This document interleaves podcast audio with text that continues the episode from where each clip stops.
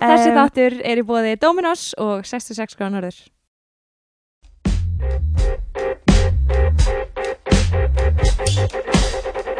Þau sitja eftir með auð sætisblás til begja handa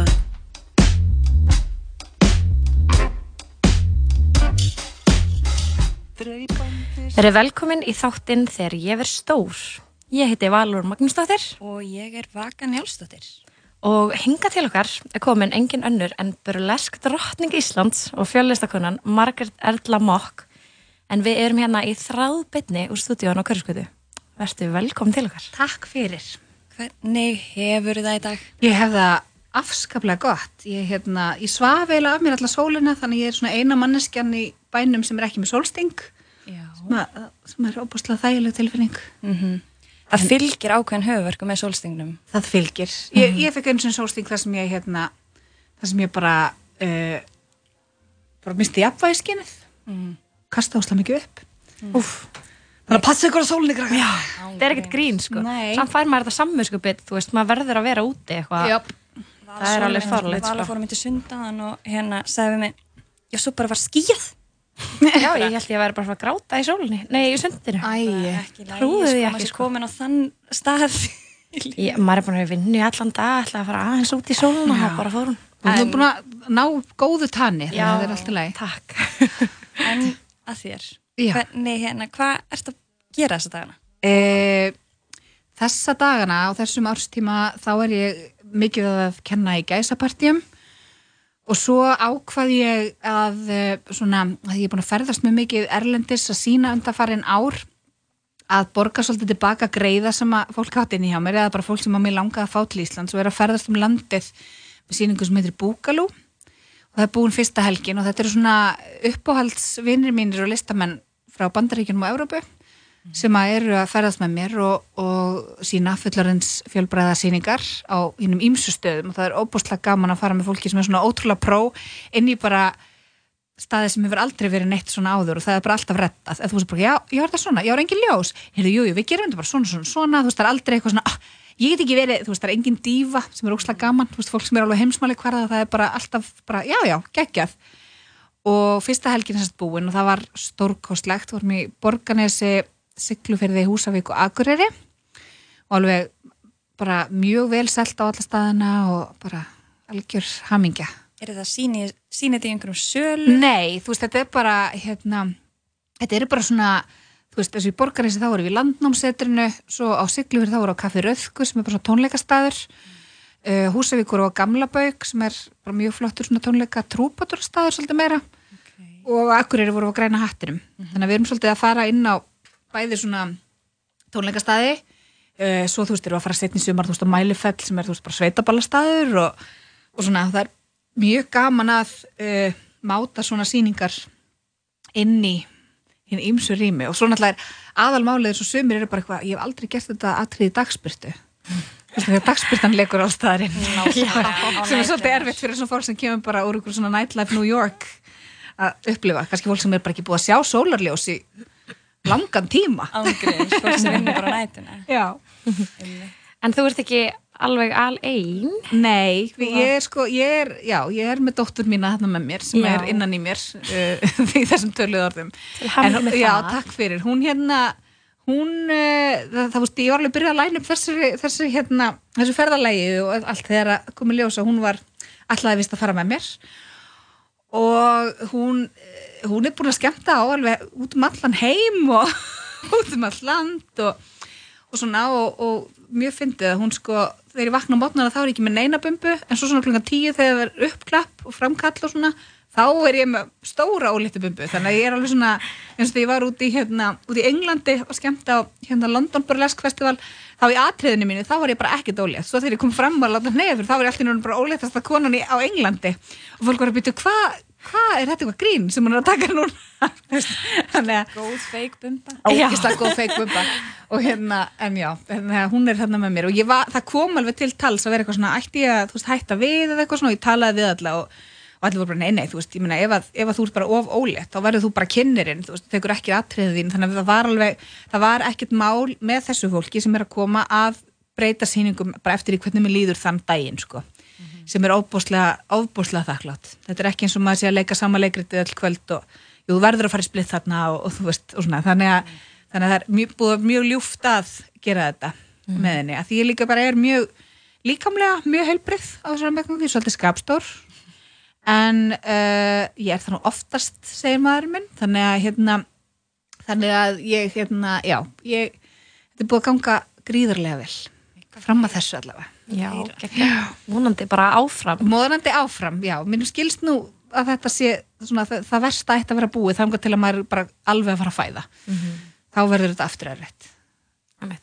Ég ætla að byrja á hraðaspurningum. ok, Þú er náttúrulega svolítið góð í hraðaspurningum. já, Það já, já, já, ég er mjög góð í er hérna, Smá skellur við... og líka mjög góð að skrifa hraðaspurningar Já, já. einmitt. Og hérna, ég er bara að byrja í dag. ok, Ég ætla að setja hérna, kannski smá, það þarf að gera svona sem getur betur að segja og við byrjum núna já, já geðu við hugmynd. Já. Var ekki að æfa sig, sko. Ok, það. Ha, hún Var er að æfa sig. fyrir að gett betur. og við byrjum núna. Hvað ertu gummul? 35 ra, Hvað fegst þér um morgumat? uh, bröð með avokado Uppáðast Facebook-grúpa. uh, hérna um, mm, hérna börlesk byggbróðurinn sýstir Besta karaoke-lag. Gloria með Lóri Brangan Hvað þáttumælur eru með? Uh, Better Call Saul, RuPaul's Drag Race og Project Runway Hvernig myndir lýsa þér í þrejum orðum? uh, Drífandi þrjósk uh, og matgæðingur A eða B manneska? B, Ef þú mættir vera einhverji annar í einn dag, hver væri það? sýsti mín Hvað færið þér í bræðarif? ég fæ mér hérna ég fæ mér karamelludífu svona það er svo mismöndi hvað ég fæ mér karamelludífu, kökudeg og svona salmiak uh, kurl Hvað elskar mestu sjálfa þig? að ég er alveg svo mamma mín Hvaða leiksýningu sástu síðast? uh, ég sá uh, börlesk sjó Bathtub Gin Skemmtilegast við sumarið? hvað það koma margir vinir sem búi í útlandum til Íslands Hvaða lag peppaði alltaf í gang? Gloria með Lóri Brangan Sturli staðrindu þig. uh, ég borði ekki majónis Hver er þín helsta fyrirmynd? mamma mín, amma mín, sýsti mín Þú ert ángrínist, veist, ert að stundar þetta heima hjá þér? Já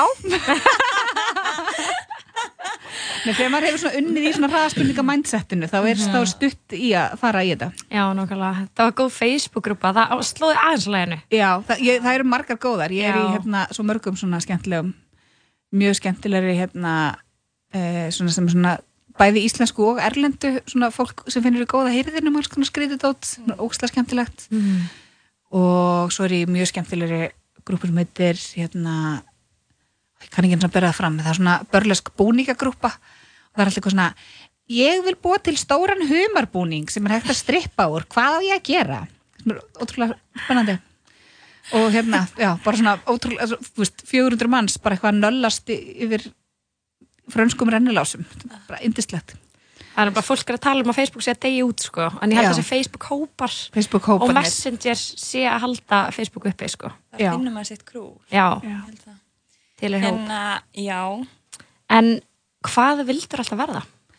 Ég vildi alltaf verða leikona eða vinna í leikhúsi þegar ég var lítið barn. Uh, ég var hérna, var í ballett lengi vel og, og alveg þó, þegar mér fór að finnast að leiðilegt þá held ég samt áfram að því að tvisvar á ári voru sýningar. Þú veist, Þannig að maður var alveg bara að hérna, fara í gegnum það því að það var svona, já, uh, og ég heitlaðist ekkit bara því að vera á sviði heldur bara svona allri pródusjóninni á bakvið, bara undirbúningnum og hvernig maður raðar upp sýningum og og svona og þó, þó ég hef ekki kannski farið í svona hef hefðbundna leikhús að þá hef ég svona tekið það sem að mér fannst skemmtilegast úr leikhúsinu og gert það svolítið að mínu æfistarfi eh, ég fór alveg í intökupróf leikstofnum og fröys og skeiti í mig sko í intökuprófunu, það var alltaf leið það blessaðist að lókum Þannig að draumi var svona alveg Já, lengi vel. já, en, já, já, hann, hann alveg hérna, ég var í, í herranótti í MR alveg öll mín ár í skólanum.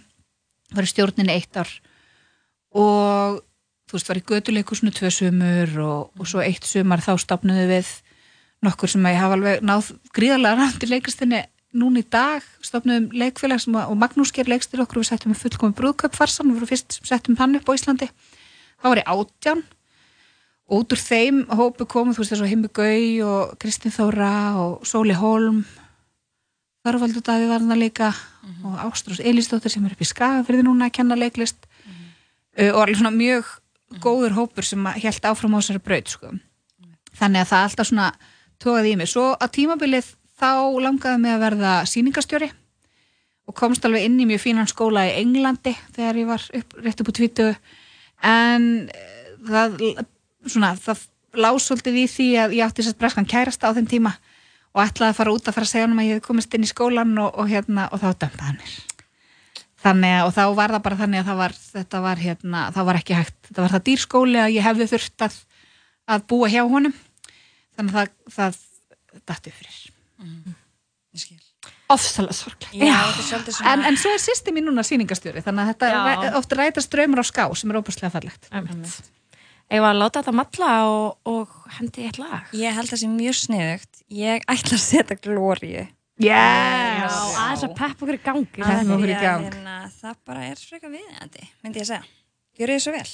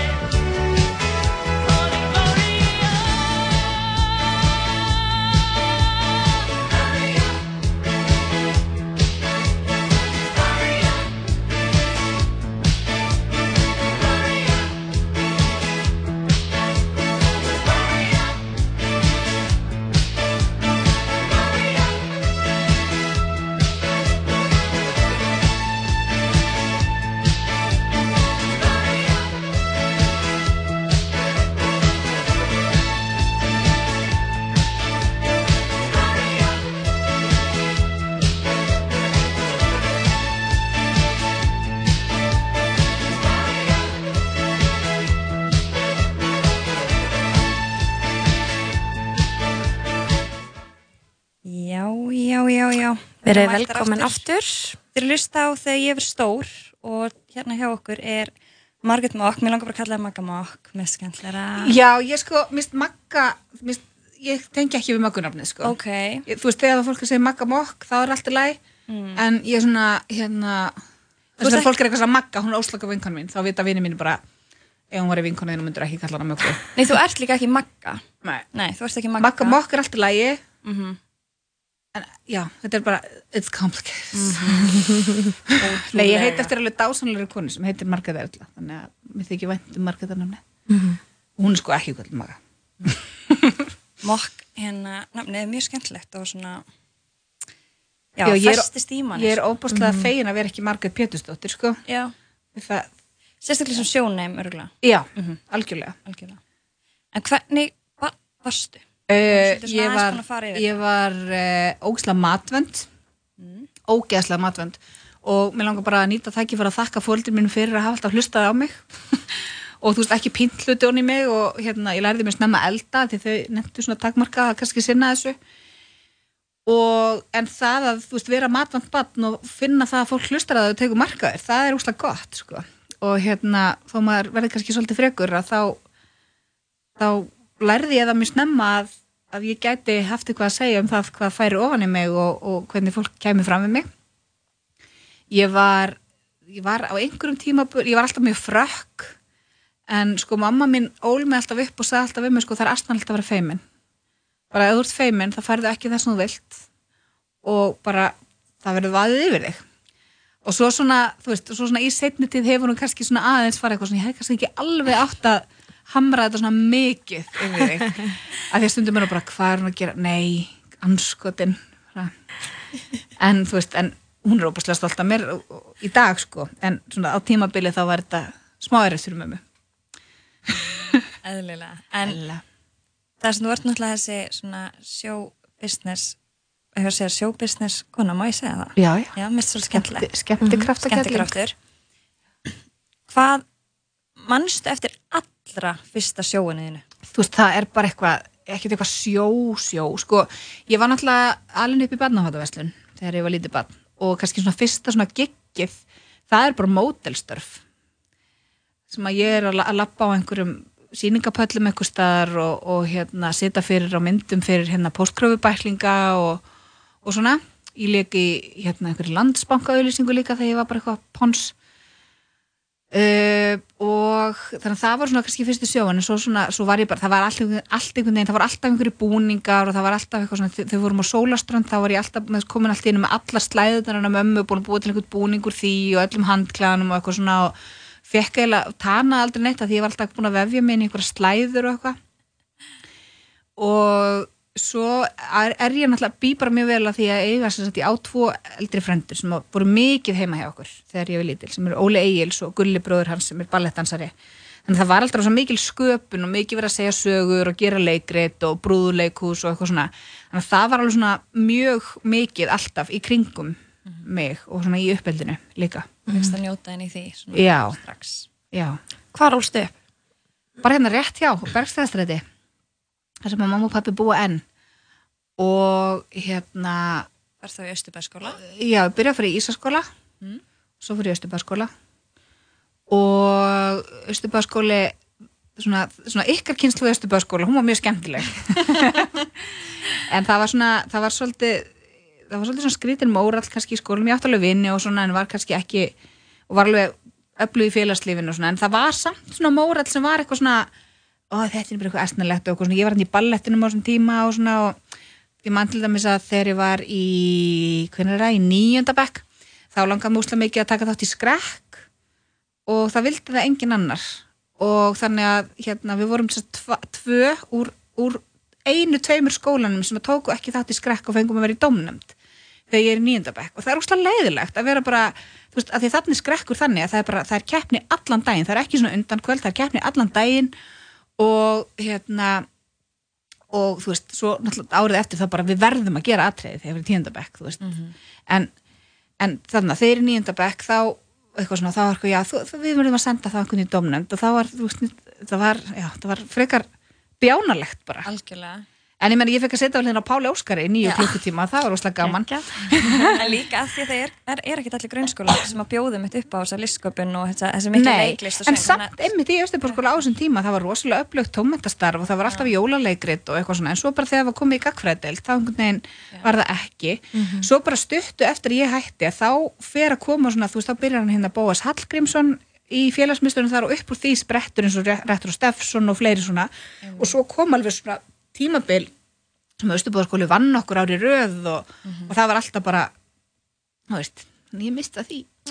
En ég fekk útrás í ballettinum algjörlega og svo ferðu í MR og svo fyrir ég MR Varstu ennþá í ballett þá eða? Já, ég hætti því að ég var átján. Þá þurfti ég að velja svolítið á milli hérna, herranættur og, og hérna og ballettsins. Og ég var svona líka bara, ég var komin í svolítið óheilbriðt samband við mat á þessum tíma þannig að ég held að það fyrir svolítið bjarga lífið mínu að hætt, hafa hætt á þessum tíma. Fannst þið þá pressa úr þessum heimi eða? Sko, ekkert eitthvað endilega ekkert endilega eitthvað frá kannski nei, bara svona gegnum gangandi. Þú veist, það var ekki þannig að það væri sagt beint við mann en það var bara svona gegnum gangandi. Og um, já, og svona og ég var alveg svona, tók mér alveg og það var ekki fyrir en ég byrjaði svo bara í magadansinum nokkur mjög setna að ég gati rauninni alveg unnið úr því að það væri hægt að dansa og vera ekki óksla mjó um, og en þú veist, það var aldrei einhvern veginn, ég veit ekki, ég var alveg uppáhaldsnefandi margra kennara og svona og var rosalega karakter á sviðinu og svona, en hérna en var kannski ekki, ekki kannski í tútupilsun og táskunum uh, og svo leðis en já, fer hann í MR og, og stór hluti af því að ég fór í MR þó ég hafi verið í Östubæðskóla sem er bara sá skóli sem er næst MR fyrir utan kannski Tjarnaskólan og Hagaskóla var að það fór það ætlaði engin annar úr Östubæðskólanum í MR og það var alveg svona ástæða nummer eitt.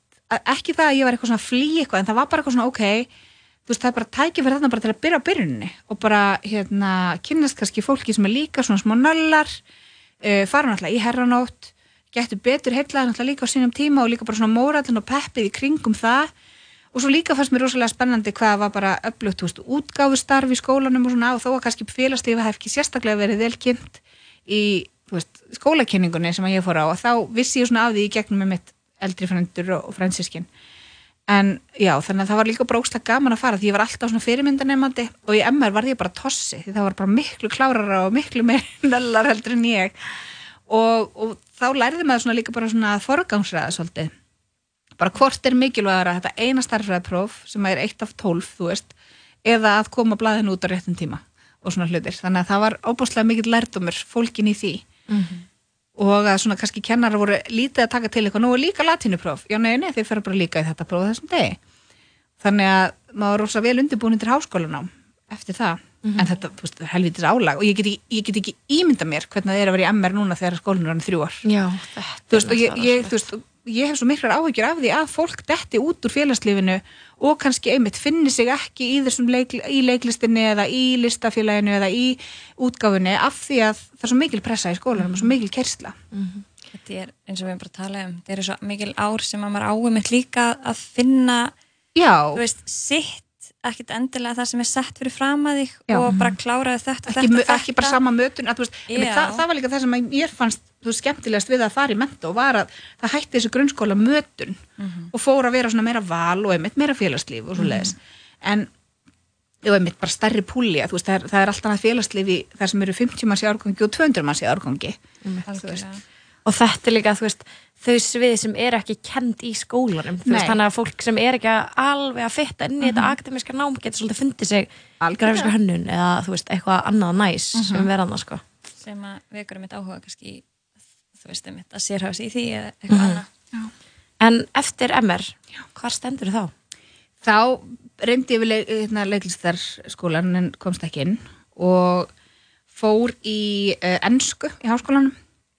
Bara svona því una vinkonu fyrir ennsku og ég svona, já, þú veist, get kannski eitthvað, það er allavega ekki að fara að skemma fyrir manni að fara í ennsku og svo einhvern veginn svona bara átt mig alls konar vinna, það var óbúslega skrítið að ég hérna var í ennsku svo byrjaði að vinna í þjóðleikúsinu var það bara að vinna í forsalum svo byrjaði ég stöttur setna í magadansi og ég er búin að vera í magadansi kannski í hálft ár þegar ég byrjaði að kenna því ég var með ballettin þú veist, var með, með góð reyfigæði og hafði lært svolítið að kenna líka þar. Þannig að þá var ég farin að kenna á full upp í kramúsi þannig ég er búin að kenna þar í 15 ár sko. Og svo uh, þú veist að þetta er, að bloggtímum stelpum mínar. Já. þannig að hérna ég var er ekki Twitter Nei, ég var bloggið sko. Og vinum við bjóti svona botta sem að var sko þú gæst sko séð hverju voru nýbúin að uppdata bloggið sitt sem var náttúrulega gaman. Þannig að það var ekki svona einhver update sem komið þitt? það hétt ég held að það heiti bara marketmock.blogspot.com svo tímabili, jú, og svo kefti ég lén hérna, barbara.kartland.net Wow. Barbara Kartland hérna, ástarsögu höfundurinn um, svo hérna uh, Og hvað varst að skrifa á blogginu? Þetta var bara eitthvað- pistla eða- Nei, guð mig góður, þetta var svo ógeðslega ómerkilegt. Það var bara, ég í jólabóð og það var svona, og svo í gær, þá gerði ég þetta bara svona opin dagbók, sko. Uh, Svo þá, hérna var fekk ég bara e-mail bara frá uh, manni sem heitir Valgeir Valdemarsson hann var að sjá um bloggi fyrir Iceland Express á þessum tíma.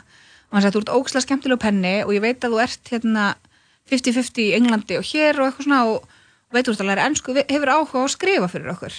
Þannig að það bara sé bloggið já, þannig að ég bara byrjaði að skrifa úslega mikið fyrir Iceland Express og einmitt og er, er þarna með kærasta í Englandi þannig ég flosna bara svolítið upp úr námina því ég, bara, ég er úslega mikið að kenna í kramúsinu, ég er að vinna í þjóðlíkusinu ég er að skrifa fyrir Iceland Express og get þá veist, farið úslega mikið til London og eitthvað svona og svo er ég líka að byrja að plötusnúða þarna þannig að ég er svona einhvern veginn eh. og svo þarna, einmitt, svo kemur að því að, að breski kærastin dömpar mér og, og ég vinn í hattrættinu og fer til New York og flosna bara svolítið upp úr náminu. Þú vinnur í hattrætt. Já, ég vinn í hattrætti eh, 2007 í februar 2007 Frábær tími. Frábær tími og doll, þú veist, dollarin var 80 krónur. Og ég sagt vinn í hattrætti í februar sagt, fyrst segi breski kærasti mér upp og bara tveimur eða þreimur umsetna vinn ég í hattrætti og ég eitthvað svona og þú veist það líka bara eitthvað, þú veist breskan kærasta ég meina, er, er auðvelt að setja í, í tíma þar sem allir tala eins og hann þú veist, bara nei, það er bara mjög erfitt þannig að ég eitthvað svona, eitthvað bara, uh, flosninguninn upp úr þessu og, og ákveða að fara, þú veist, því að þarna er ég bara, ok ég þarf ekki að fara í sumarvinnu þú veist, ég er 23 ára og ég get bara farið eitthvað Já, með peningin. Með peningin sem. Einmitt. þú veist, þetta var miljón en þetta var ókslega mikill peningur á þeim tíma þetta er þryggja mánuða laun fín mánuða laun, sko fyrir, fyrir, hérna, fyrir sumarvinnu og dollarin er 80 krónur og vinkona mín sem sagt býr í bandaríkjunum, hún var að fara á interrail ferðalega, þannig ég bara legði herbyggið hennar og ég var að borga 800 dólar á mánuði fyrir herbyggi í Williamsburg, bara á besta stað. Og hérna, lifði bara svo drottning Þetta er smá svona eins og hvað ætlar að gera við peningar sem frún Þetta er alveg Já. þannig. Og ég líka, já, og ég líka fór þarna því ég hafði sérst, hérna nokkur sinnum hafði ég farið á, á hérna Stockholms Bellidans Festival sem var sérst stærsta magatasfestival í Evrópu og var með sérst bóð frá einum kennara þar að koma í masterclass hjá honum. Og ég var alltaf bara, ég á Ísland, ég er ekki að fara eitthvað, what the fuck? Svo kemur þetta upp og ég bara það er það sem ég er að fara að gera, ég er að fara til New York í fucking masterclass í magatassi í þrjá mánuði. Og þannig að það, þetta, þetta er svona algjör vendipunktur sko. Og einhvern veginn þarna líka bara þú veist þarna bara kemur þetta er það sem ég átti að gera, þetta, ég átti bara að fara til New York og ég átti að gera þetta. Svo er ég búin að vera þar í smástund þegar að hérna, ég kynnist þar manni sem heitir Reggie Watt sem er svona vendarengillin minn. Og hann sem sagt eh, redda mér áhernapröfu á stað sem heitir The Box sem er svona mjög flottur kabarættastaður Varstu þá ekki að byrja að dansa kabarett? Nei, bara... ég var ekkert byrjuð í börliskinn þá, ég var bara matasmar og hann sagði bara, þú ert matasmar frá Íslandi og bara, þú veist, þú ert bara s- sæt og ljósherð og eitthvað bara, why not? Og við alveg gerðum einhvern okkur atriði sem hann var að beatboxa og ég var að dansa matans, bara mjög gaman. Og, og ég var þarna ráð, ég var ráðin í viku á box. Og, og þetta var svona, þú veist, þetta var svona, það var náttúrulega ekki meðan þetta var atvinnuleifi þannig að það voru alls konar hérna, æfingar sem maður þurfti að gera þarna á þessum tíma. Og Í viku, það er fyrir eitthvað fundin Sko, mér langar svolítið, þannig ég held að fólk svolítið átt að segja hvað kabarett er. já, þetta er bara þetta er, sérstaklega í New York eru óbúslega mikið af eh, svona skemmtistöðum sem er bóðið upp á skemmtun. Mm það er ekki bara eitthvað bar og DJ, það er bara í alveg bóðið upp á skemmtiprógram og til dæmis á box og eins og slippurum sem ég vinn svona mest á í dag þar eru þetta sýningar sem eru svona alls konar skemmtiðatri og þetta er svona svolítið eins og búkulótúrur sem ég er að gera núna. Þetta eru, þetta eru skemmtiðatri sem er raðið upp svo kemur hlið, þá fyrir allir að barinn svo heldur sýningin áfram. Uh, á slippurum þá eru ofta fyrstu og lögutaskvöldum eru kannski, þú veist, fjóri hlutar af sýningu, bara klukkan 10, klukkan 11, klukkan 12 og klukkan 1 og, og yfir svona eitt svona kurs eru kannski átjón manns á bylinu að skemmta. Já. og þetta er alveg, þetta er alveg ógislega skemmtilegt skemmtileg svona skemmtilegt leikhús. Þetta er kallað svona illegitimate theater bastardarleikhús að því þetta er, þú veist, þetta er ekki leiksýning þú veist, þetta er ekki þetta er ekki söguþræðar, þetta er bara skemmtiðatrið þetta er bara skemmtiðatrið sem að eru hérna, sem eru raða, sem er raða saman og á þessum stöðum líka. Og það er óbúslega gott þegar þú ert komin inn í þennan heim að það sem gerist er að þú ert þegar þú ert komin að inn og vertarnir og þeir sem að bóka sjóin treysta þér, þá eru þeir ekki eitthvað sem heilu, konum með þetta þetta atrið, það er bara, hei, ertu ljósa fyrstæðin, tvö atrið, þú ræður hvað atrið þú kemur með. Þannig að það er ógslag gaman þú veist, að finna það bara ég treysti þér, bara allt sem gerir er frábært og bara fólk dyrka þig og bara frábært. Þú hefur bara 100% frelsi þú bara að gera 100% þig. frelsi og þetta er líka sko, þetta er svo ógíslega skemmtilegt því þú berð bara ábyrð á þú veist, tvisasunum fjórum mínútum eða eitthvað. Þannig að þú ert, þú veist, þú ert hluti af ógíslega flottu skemmtiprógrami en þú berð svo litla ábyrð og þú getur skemmtið svo með vel og séð svo mikið skemmtilegt. Og þarna á bóksinu 2007, þá er ég ráðin sem maður sem er mjög snemma í prógraminu og svo svona setna um kvöldi fór fólk að stinga í rassinu og sér og svona alls konar. Ég er mjög snemma í prógraminu og svo eitt kvöldi að þá er uh, það voru svona fjóra stelpur sem voru svona sviðshendur eða svo leis og voru svona ba bakgrunnsdansarar og svona komu inn með prop svona, og einn þeirra þessast lasin eitt kvöldið.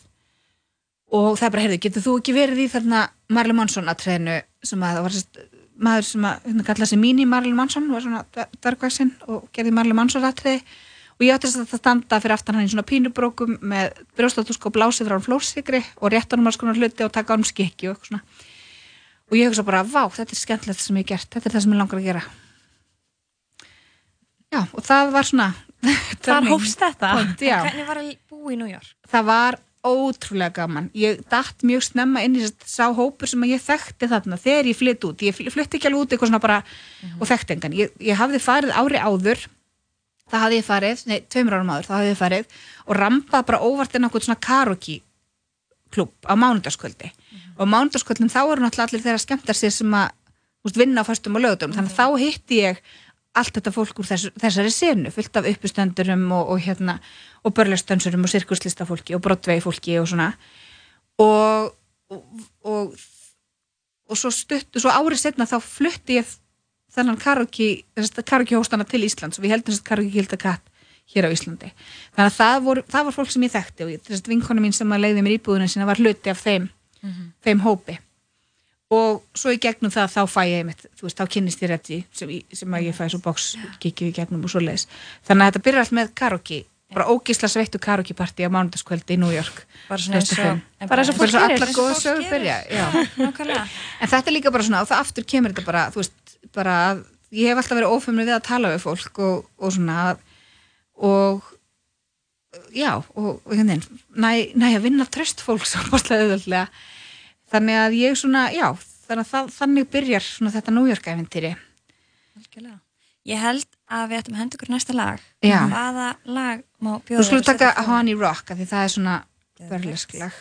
Æði, gjöru þið svo vel.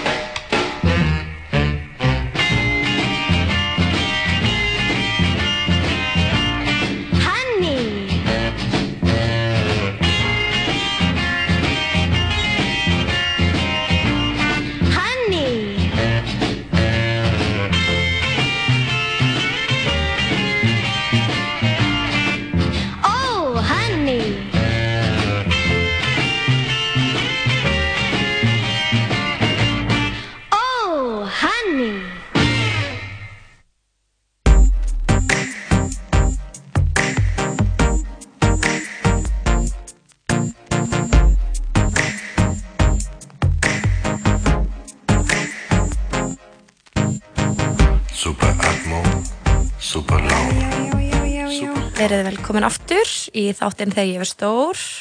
Við erum hérna með Margréti Erli Mokk Og og við við ætlum að... vorum aðeins að ræða New York. Þín ári í New York. Já, Hefur voru svolítið skrautleg. þau voru mjög skröðlega, já. Og eitthvað sem kannski ekki margir myndi fara að skella sig til New York og fara að dansa maðurdans á og alls konar. Og Nei. svona fríksjó. Þetta var svona, þetta var, hérna, þetta var mjög erfitt fyrir fóreldra mína, þú veist, þegar 23 ára eitthvað svona, þau vissi ekkert, fólki sem mér var, var, að fara að hanga með og, og nú virka bara eitthvað svona stórborg og eitthvað, en það var rosa gott sem að amma sagði alltaf, hún sagði hérna, gott fólk heitir bara gott fólk. Og það hefur svolítið hjálpað mér í gegnum óbúslega margt. Uh, en það, þetta var óbúslega mikil grósku, gróskutímið þarna í New York þetta er rétt áður en að það verður erfitt að búa í New York þannig að mikið af fólki sem var svona ströggla. Núna, e- ef þú ætlar að fara í eitthvað svona þá flytur bara til LA og svo leiðis og sérstaklega kannski fólki sem ég í gegnum hérna, stand-up senuna Þú það var hérna eins og Pete Holmes sem er hérna með Krassing þættina núna, hann var þriðjustur núna Oren sem skrifar það með hann þeir voru rosa miklu vinnur okkar. Og svo Reggie sem að hjálpaði mér þarna á böksinu hann er náttúrulega bara hann er hérna hljómsættarstjórin hjá hann James Corden. Og svo náttúrulega var ég þarna voru við að Gogo P svolítið saman ég og Lady Gaga á Sem tímabili. Ég finnst svo stórt. Það er Já, þetta var hérna sérst, hún var sérst, strákur sem að ég var að hitta á mjög stöðan tíma. Hann Brendan, Söllivan heitir hann rittöfundur í dag og, og plöðusnöður hann var að hérna, DJ og hún var Gogo P hans á St. Jerome's. Og svo við hérna, vorum eitthvað við hoppuðum saman og við upp úr einhverjum ámæliskökum og eitthvað svona og var ég aðeins Það er minni um Björn. mig og passaði hún í ámæliskökum með Gaga. Uh, Með Gaga. með Lady Gaga. En hún var yndisleg og þegar ég hitt hann í fyrsta sinna þá sagði Brendan, hann sagði eitthvað svona hérna, þetta er Gaga vinkonu mín og opnaði muninn, sagði hann við hana. Hún var eitthvað, já, horfði á þessi rattbönd þau munu breyta heiminum, sagði hann. Nei. Vá. svo voru eitthvað að spjalla og hún sagði, já, ertu frá Íslandi, já. Horfði verið á Eurovision, sagði hann. Ég eitthvað, já, ég eitthvað, að, já þannig að Silvía Nótt, ég dyrka hana. Mér langar að vera svona hann Það þannig að þegar hún svo byrjar svo að þú veist að hérna, þú veist, vera í þessum skrýtnu fötum og segja skrýtnu þá er ég bara þetta er svo mikið Silvía Nótt sko. Já, hún fekk inspo bara frá Silvíu nótt. en náttúrulega- og líka bara úr dragheiminum og nightlife heiminum sko. Ég, ég sko, mér finnst Silvía Nótt verulega sko eiginlega besta dratrúðing sem Ísland hefur alið sko, því hún er þetta er svo mikil hí, hýper típa sko en hérna, já. Þannig þú varst hann í New York með Lady Gaga. Já, bara alveg. Eins og bara eiginlega allir Íslandíkar hafa líka það var gert. gert, það, var- það, þetta var mitt 2007 Já, já, þarna var þinn hátundur. ég var ekki með flatskjá eða neitt svo leiðis, ég var bara að hoppa bara ammæliskökum með Lady Gaga. Var hún eitthvað orðið fræg þá? Nei, hún var það ekki. Hún var fræg svona í nætur senunni, sko. uh, hún var Gogo Pia og Senti Róms og svo var hún, alveg- hún var alveg líka eitthvað svona að koma og spila ykkur lög og slippirum og eitthvað svona sem að var alveg frekka fyndið. En hérna, hún var ekkit eitthvað svona orðin eitthvað Svolítið hjút. svipa bara eins og einhvern veginn Nei, ekki? alls Nei. ekki. Ok. Miklu minni fött og miklu klistræri golf Ok, ok og miklu skrýtnari atrið á milli laga. uh, En já. svo ferðu, hvað gerist eftir New York? Þá kem ég aftur heim, Og sko. af hverju kemur heim? Af því ég var bara túristavísa ég var bara þrjá mánuði og hérna ætlaði bara að vera þrjá mánuði og Devon var að koma heim í herbyggi sitt og svona og ég uh, fer heim og bara stefna að fara aftur í háskólanum. Því að þetta var, þetta var erfitt sko. Þetta var bara í bless bless karaoke partínu þá er ég bara grátandi og ég er bara ég er búin að finna einhverja senu og það er ekkert það er ekkert svona heima. Og sé bara fram á það að ég sé bara fara aftur bara í sama fasan bara. Blogga kenna, læra eitthvað. Boring stuff. Uh, ekki, ekki það boring en þú veist en hérna, bara svona sama miðað eftir að hafa lent í einhvern svona mega ævintýri sko. Þetta er bara eins og okkur draumur. já, þetta var þá, þetta er alveg svona, þetta er alveg bara í bara svona bleikum hérna, það er bleikur filter á sumari í lífið mínu sko. en, en þau öll bara allir voru bara, þú veist, hvað er að þér þú, þú ert með, þú ert algjörlega með pálmann í höndan, þú ert þú hefur það sem við vildum öll óska við hefðum þú getur farið einhvert, það sem er engin sena þú getur búið hana til þú getur seipað hana og gert hana algjörlega þinni og þú getur orðið stærsta nafnið í henni. Og ég höfður eitthvað, og hvað, hvað á maður að þú veist, hvað á ég að finna þetta fólk? Og þau bara, sko, við vorum líka alveg öll einu sinni líka, þú veist, smábæri okkur þó að það sé ekki New York, ég meina Reykjavík er samt höfuborgin og þú hefur miklu meiri aðgang að stöðum til að gera hluti og eitthvað svona. Og ég fyrir bara eitthvað heim, bara eitthvað algjörlega brotin, bara svo krumpa blað. Og svo fer ég í háskólan og það er bara eitthvað ógíslega erfitt og ég sé ekkert fram á það, ég sé að fara að klára það. Þannig er ég sko búin með þrjú ár þá þegar og er ekki einu svona hálnuð sko með það sem ég á að vera hál- hálnuð með, eða þú veist það sem ég á að vera búið með. Og bara svona hjakk. Og ég fer svo í kram og síður að fara að kenna með fyrsta tíma á vetrar, vetrarönninni, á haustönninni og þá er þar auglýsing sem að stendur ókipið sirkustímar á sunnudagskveldum og það bara ding, þarna er skrýtna fólkið sem að ég er að leita að. Og þessir ókipið sirkustímar þar sem að við vorum eitthvað á sunnudagskvöldum í þrjá tíma að reyna að bifast við að standa á höndum og djögla og eitthvað svona þetta verður svo vísir hérna Sirkus Íslands. Og hann Lee Nelson hérna ástralarski trúðurinn er uh, svo mikill frumkvöðl í þessu. Og hann kendi okkur og þessum krakkum bara allt sem hann kunni. Hann er hérna, hérna göttulistamæður en, en er sirkusmentaður líka. Og hann kendi allt sem hann kunni. Og svo bara eitthvað svona kemur hann eitt annað herri ég er búin að setja okkur í símaskrána. Nú, já, Sirkus Íslands, það er komið eitt símtal. Við erum komið gegn. Uh, hverju treysta sér að vera á stultum eftir tvo mánuði? Og hverju geta verið þjónar á hjólaskötum og hverju geta verið stittur þegar fólki eitthvað svona. Og Hvað ár er þetta? Þetta er, þetta er bara haustu 2007 og þarna bara verður þetta til þetta batteri og þannig byggðist upp hérna hæfileika bankina, það kom bara svona skrítin gig og við vorum eitthvað, ok, það þarf þá að kaupa hjólaskauta og láta saumabúninga og eitthvað svona. Og hann leggur þetta bara allt. Úst, hann var að borga leiguna í kramhúsinu með því að hjálpa Hafdísi að mála. Og þú veist, þetta var allt svona og hann setti bara allt í sölurnar. Uh, og uh, svo, þú veist, ég starfa með sirkusnum svo alveg í tíu ár og hætti svo 2017 með þeim að því að bara ég vildi fara að gera meira mitt. Og þau voru, ég var náttúrulega með það var fullorðin síning þar skynsemi þar sem ég fekk svolítið fyrir ásar hendur og fekk svolítið svona að, að stjórna með í því. Uh, en svo bara svona var komið upp svona ok, það er hérna þú veist að því mér langaði að gera meira og sirkursin var náttúrulega bara oppirrandi með síningar yfir sumartíman en ég vildi gera meira allt árið um kring og náttúrulega svona fullorðin sirkus og svo leiðis er kannski meira svona skamdegis skemmtun sko. Og Þú vilt ekki dagspyrtuna þá?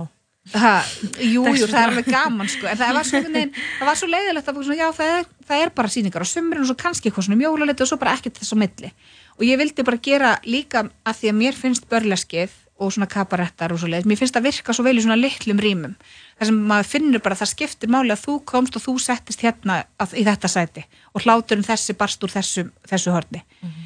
Og nálaðin skiptir svo rosalega miklu máli. Þetta er svo sammeilur húmor sem myndast á hverja einustu síningu þannig ég vildi fara svona meira í það og þá var bara, það kom bara upp bara, ok, þú það er eiginlega ekki hægt að gera það ofur í sirkusnum á þeim tíma þannig að, já, þannig ég hætti í sirkusnum. Og þá líka var ég byrjuð að veistlustýra og svona, þetta var komin smá svona pólitík hvort að það ætti að bó, bóka mig í gegnum sirkusin eða hvað og svona þetta, það var bara besta, ég, þú veist, þið þykir ógeðsla væntum þau núna og, og hérna og svona, þetta var svona smá smá svona uh, ströggl hana á þessum tíma. En í dag er þetta þú veist, og við erum alveg að gesta í sýningum hvers annars endalaust sko. Það er bara, það er bara öðruvísi sýningar sem er verið í sirkustjaldi heldur en það sem er í þjóðlungaskjallaranum og tala nú ekki um á veist, græna hattunum eða eitthvað. Þannig að hérna, En börlesk æfintýrið, hvernig byrja það? það byrja bara þarna í New York í rauninni með þegar ég er í brjóstatúr En hérna heima? hérna heima það byrja með skinnsemi þá 2010 langar maður að segja 2009-2010 þegar að kemur sér sett þú veist að, þá, að því þá var ég alveg búin að vera sko alltaf að hoppa til New York reglulega til þess að fara á námskeið og til þess að sína og alls konar svona og held ég alltaf við sko.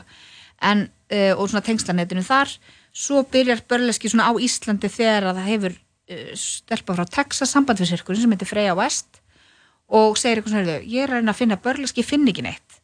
Og þá segir Lí bara, heyrðu, hérna Margrét hérna tækifærið, bara við getum gert eitthvað. Hún er að koma við getum gert eitthvað hér, þannig að við bara svona áttum fyllt af atriðin sem við tvíkuðum til og byggum til ný og svona. Og fyrsta sýningi var á Bakkusi, þar sem núna er hurra það var æðislegt sko. Og svo svona stækkað og stækkað og stækkað þannig til hún var orðin alveg Og hvernig er að koma með eitthvað svona alveg það er geðvegt, Nýtt. það er ógeðslega gaman. En það er náttúrulega, þú veist, börlesk er í grunninn er börlesk uh, grínsýning sem að byggist á því að fara úr fötunum. Og sína hold og sína mannslíkamann, gera skrýtna hluti og, og sína þokkafullan, sína skrýtin, sína sterkan. En stripp er náttúrulega bannað í Reykjavík.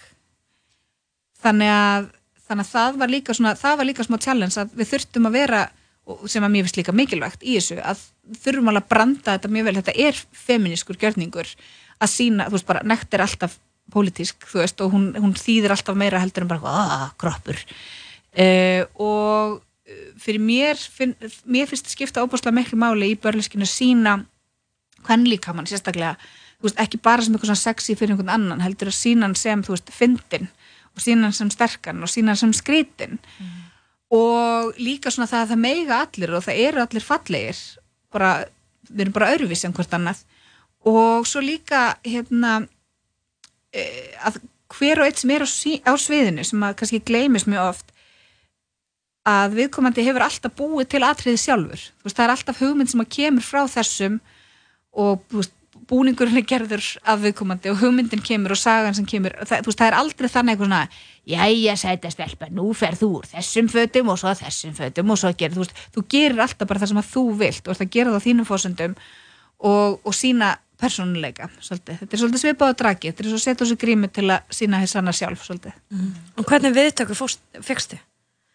þarna, bara sk- í skinn sem ég fyrst þegar það kom, það bara, fólk trilltist það var bara, það hefði aldrei séð neitt þessu líkt á Íslandi og kannski sérstaklega líka þú veist, ég meina svo, fóreldra mínir þau mun alveg eftir börleski sem að var hérna. Og ég meina, ef þú, ef þú leitar til dæmis á tímaðandur.is að hérna dansmærin, þá kemur bara dansmærin og eldgleipirinn Diana Darling, skemmtir í veist, þannig að þetta var alveg til hérna á veist, rauðli og lít og allt þetta. Susan Baðar sig er mjög þekkt svona atriði. Og einmitt konur sem voru þú veist að gera jafnvægislistir og eitthvað svona. En þetta var alltaf fullorðin sko, þetta var ekki eitthvað svona svo tókst börniðin með á. Og þannig að það, það var svona mjög gaman að, að þú veist þetta, þetta er alveg, þetta hefur verið hérna, það hafi ekki endilega verið Íslendingar að gera þetta. Uh, mér finnst líka, þú veist ég, mér finnst líka svona eins og Leonsi hafi verið svolítið börlask tengt líka sko svona tíma. Og já, þannig að það er Já, það, þetta er sko eins og núna, þú veist, ég er ennþá bara á bleiku skí eftir bara núna síðustu helgi þegar við fórum no, norður, fórum þú veist á Húsavík og, og eitthvað svona fórum með þessa sýningur, það var fólk sem var bara, ég vissi ekki hvað ég ætti vona á, að því auðvitað líka það sem maður þarf svolítið, maður þarf alveg að, að hafa það svolítið skýrt bara, fólk mun fara fötunum, þetta er alveg smá sexy, þetta er fullt af fólki sem er ekki til í það og það er allt í lagi, ég er ekki að gera sýningar sem að henda öllum, það eru aðrir í því. Og þannig að maður þarf að vera svolítið bara skýr með það bara til þess að fólk geti sett sér sín mörg bara nei, ég hef ekki áhuga að koma svona. En það sem að mér finnst skemmtilegast það er að fólk bara, ok, ég vissi þetta er eitthvað svona veist, en ég hef ekki hugmyndum að þetta er svona ógeðslega fyndið, bara, þú veist, bara fullar fólk hefur ekki hleyið svona í langan, langan tíma. Og ég heyri oftast bara mér er illt í kinnunum. Ég, get, ég mun ekki geta að tala á morgun og eitthvað svona að því fólk er bara að deyja úr hlátri, bara ég fekk hérna skilabóð bara, ég með harspyrir í maganum, ég hlósum mikið. Sem er bara æðislegt að heyra. Það er líka svo mikið svona, eins og í dag bara svona ofta að tala um, það má ekkert og allt þetta einhvern veginn, þetta er svona Já. smá svona kemur inn á einmitt svona fólks Já, sko, upplifi eitthvað. ná, en það, það er sko, sko málið er við erum ekki að gefa fólki leifi að mega allt, þú veist, ég, þú veist, ég sem skemmtikrafturinn, ég má gera það sem ég vil þú veist, við, og það þarf alveg ofta að vera bara hvað, það er bannað að koma við okkur. Þú veist, það þarf að segja það alveg stundum það er rosa skrítið. Og þú veist, ég lendi í því bara eins og sigluferði, ég var búið með atriðið mitt og var hlaupin í búinsklefa og kemur kona á eftir mér sem vildi knúsa mig úslega mikið. Og ég bara, nei, veistu, ég hef ekki áhuga á að knúsa þig í þessum fötum sem ég er núna. Og hún móðgæðist alveg, sko. Og ég bara, nei, alvöru. Þú veist, bara, það verða að vera einhver mörk hérna. Uh, þannig að, hérna en, er líka, en það er líka hlutaði að það, þú gefur leifi þannig, bara þú mátt horfa á mig. Nú ætla ég að gefa leifi fyrir að horfa á mig. Uh, og svo þegar það er búið þá hættir þú að horfa svona fólk. Eða þú veist bara, þú veist þannig að þú mátt ekki segja svona, þetta er alltaf bannað alveg. Þetta er stundum má það þú veist, eins og lítil börn, þau með ekki bara namið en á lögða á mega það, þú veist, þannig að þetta er alveg svona þú þarft að opna og loka líka bara til að kenna fólki á mörg, finnst mér líka. Algjörlega. Varstu lengi að finna, þú veist, þín mörk og einhvern veginn þóra að setja þér þín Eða- já, já, já, já. sérstaklega líka svo í tengslum við bara, þú veist, sérstaklega að vera plötusnúður. Ég lendi afar sjaldan í áreiti þegar í kringum börleskið, því þar eru mörkin óbáslega skýr. Uh, en eins og í DJ-inu þá ertu bara svolítið föst og það er bara, það, veist, það er ógeðskall sem er bara búin að ganga hringin og svo sér hann bara að þannig er stelpa sem er föst. Og þú veist, það lenda í þessu líka þú veist, ef þið hafið unnið í þjónustustörf og svona, þú bara, þú þarft að brosa og þú þarft að klára vaktina og svona, þannig að það er svona það sem að mér finnst kannski skrýtnast við það er að e, þú veist, ég let alveg svona ég let alveg ímislegt yfir mig ganga því að bara, þetta er bara hlut af starfinu, svo bara fattaðum við bara, nei, það er það ekki. Bara, það á ekki að vera eðlilegur hluti að því að þessi gengið yfir þín mörg og káfa á þér og, og hvísla einhver eiraður sem þú hefur engan áhuga á og, og, og, og svo leiðis mm. bara svo, eins og að veri ekki í öðrum störfum. Já, þú veist bara nei, þú veist, svo bara komið ljós að þú veist, fullt af, fullt af konum. Allstaðar eru að, eru að hérna er að tala og oft líka heldur maður ég hlýta bara ein bara, en svo þú veist eins og dæmis með Facebook, Facebook-hóp sem heitir hérna Plötusnældur Ísland sem að við erum nokkrar í uh, margar konur sem erum í þessum þessari stjætt, þú veist, þegar fórum, fórum að ræða þetta þar inni að þá var eitthvað svona, nei, þetta er ekki bara þú sem ert að lenda í þessu, það er bara allar að lenda í þessu. Og alltaf er helviti stónakallinum bóðið bara alltaf er honum bóðið og, og hérna og mjög oft, þú veist, þetta hefur verið heppina á þeim stöðum sem ég spila, þá hef ég oftast geta látið henda viðkomandi út. En þegar þú ert kannski að spila á ásóttíð í einhverju litlu fyrirtæki, það er ekkert útkastarar þar og þú veist, og þá kannski ferðu og, og kvartar og það er sagt bara, nei, hann Jói, hann er nú alltaf svona. Og maður bara, og honum er alltaf bóðið og meðvirknin og meðvirknin og þú, og þú, veist, þú vissir hann myndi verða svona. Og allir bara óslega fegnir að hann sé núna að bögga bara starfskraftin ekki kannski konuna sem hann er að vinna með. En hann sé ekki nú jafn slæmur núna á síðast Já, bara þetta er bara hátími og hvernig það var jólalhátt Já. eða skilur, þetta er svo ógísla skrítið. Og, en, en mér finnst svona eins og með eins og mítúinu og því að þá hafa alveg verið tekið á svona hlutum eða langar mig að trúa. Uh, ég, einhvern veginn en það sem að ég upplif kannski sterkast er svona uh, að það er ekki eitthvað svona við skulum ekki áreitana því við byrjum viðingu fyrir henni heldur svona, við skulum ekki áreitana því að hún mun segja að það kemur svo ill út fyrir fyrirtækið. Að eftir me too þannig að það er ekki eitthvað svona það er ekki eitthvað svona, hey, við skulum taka okkur á heldur bara svona, hei, við skulum taka okkur á svo þessi ekki talað illa fyrirtæki Veistu sem er það, ég, ógeðslega fyndið, og sko. ég upplifði þetta bara í allri feministkri Já. umræðu oft. já, stundum hugsa maður bara, já, er þetta að því að hugmyndafræðin um bara jafnrétti, mannréttindi Mhm. yfir höfuð er virkar og mun koma okkur lengra bara sem samfélag og allt. Eða er þetta því að þú veist, þetta er þetta hendar þeim. Og þetta er oft bara stundum bara bara, og þetta er alveg pyrrandi og maður þarf alveg að hugsa um þetta. Nei, nei, svo líka- og bara eins og til um pólitík og allt þetta bla bla bla, þú veist, bara gott dæmi, þú veist, klössismál og allt þetta skilur, auðvitað þarf þú veist, viltu líta vel út með eitthvað en, en þú veist, hvað er þetta hversu, hversu, hversu langt nærða, já, Já. er fólk að læra á hlutunum algjörlega, sko. En það er líka bara, mér finnst þetta já það minnir mér stundum á bara eitthvað svona já, hérna, og eitthvað svona þegar maður var, þú veist, að lenda í þessu hjá kannski fyrirtæki sem voru búin að fá eitthvað svona jafnlauna viðurkenningar og jafnbrettis viðurkenningar og eitthvað svona, þú veist, ég alveg oft hringdi bara, og var bara, hæ, heyrðu, þið voru að veita hérna fólki viðurkenningu í síðasta mánuði. Svona var orsatíðinu þeirra. Þú veist, bara, þetta er ekki lægi, sko. Og svo reglugerður sem komnar og allt þannig og hvar mörkin eru þar og Já. ýmislegt en Ei- tekur þessi gaggrinni þú veist, uh, tekur þetta með þér heim? Veist, Já, auðvitað, auðvitað gerir maður það. En eftir að hafa verið í, þessu, í smá stund þá er maður bara komið með bara svona viðbrasáallin Já. og það hjálpaði mér ógislega mikið að vera bara, ok, þú veist, bara ef að þetta gerist, þá er þetta á öllum sem ég ætla að gera, því oft þegar maður gerir þessu þá gerist eitthvað svona, þegar maður lendir í þessu þá frýs kona. Og það er það sem fólk er að stóla á að gerist þannig að þú veist, þegar þetta gerist í fyrsta sinn þá bara, ok, þetta gerist hérna núna, ok ég ætla að tala við manneskinu sem að réði mig. Bara hæ, heyrðu, þetta er að gerast hérna. Getur þú verið einn aðeins hjá mér að því viðkomandi kemur alltaf aftur? Og bara fylgst með að það gerist. Að því um leiður komið með vitni þá er þetta ekki bara eitthvað svona upplifun hjá þér. Orða móti orði Já. eitthvað, já. og hérna, ok, þetta gerist og eitthvað svona og svo bara, ok, svo bara þú veist, og svo segir við viðkomandi bara í annars bara, ok, að þú kemur aftur þá tekjum við sambandi og fer og rukka fullt verð. Og ég líka bara með klausu, þú veist, og á heimasíðinu minni sem er bara klausa um áreitni þar sem þetta er bara tekið fram. Og, og hérna og þar stendur líka bara að sjálfstöður í bundum trúnaði yfir allt það sem að gerist á þessar ásatið, bara hverjir fari í slagsmál og hverjir lendi í sleik og allt það. En um leið og áreitni snýra mér þá er þessi trúnaðaklausa hérna, ekki við líði ennþá. Veist, uh, þá, þá er hún hérna, þá er hún ógild. Og þá gefi mér þann rétt að mega tala um fyrirtækið í tengslu við þetta. Og það er oft bara nóg.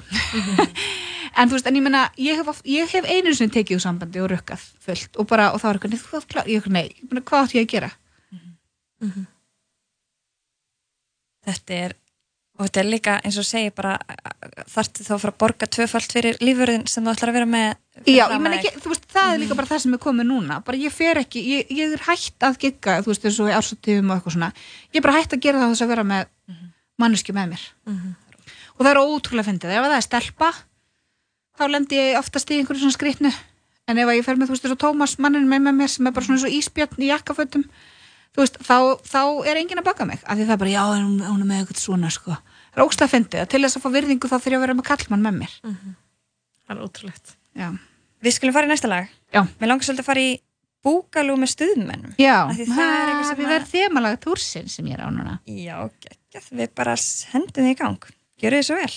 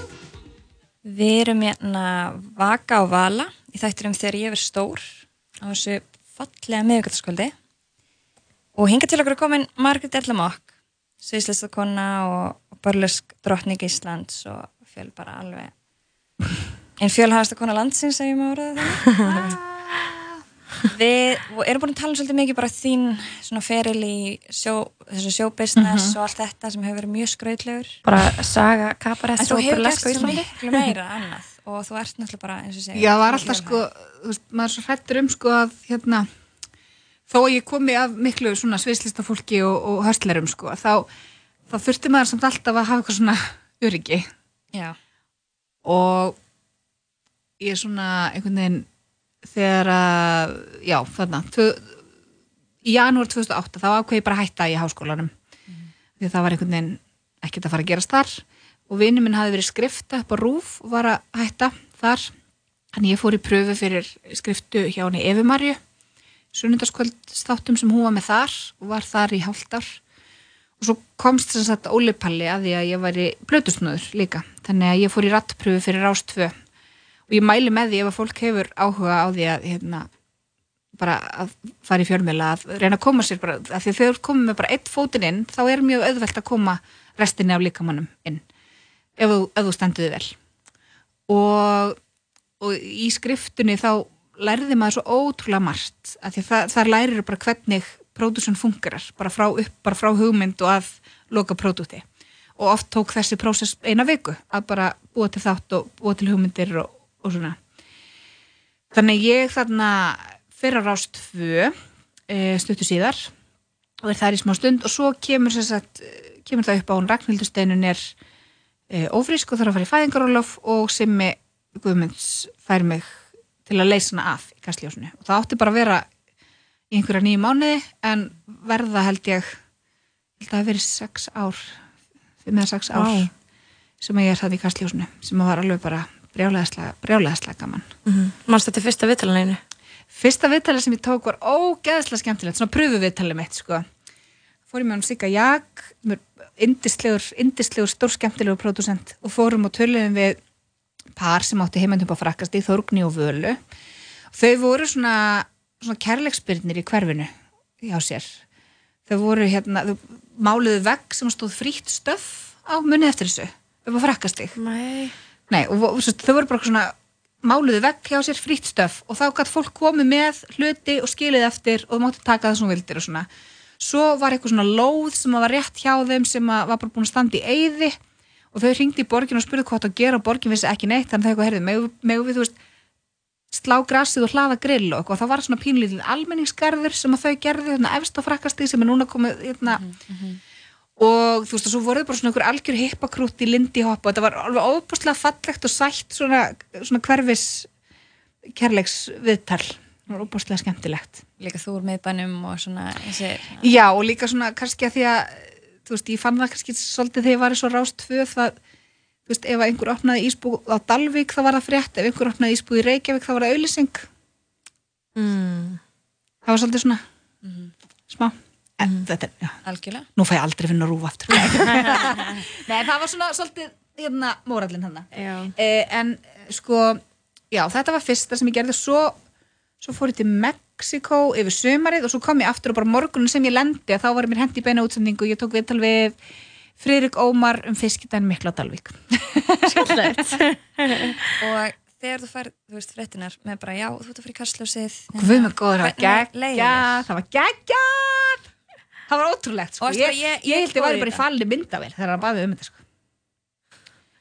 Og varstu Ég- bara til í þetta?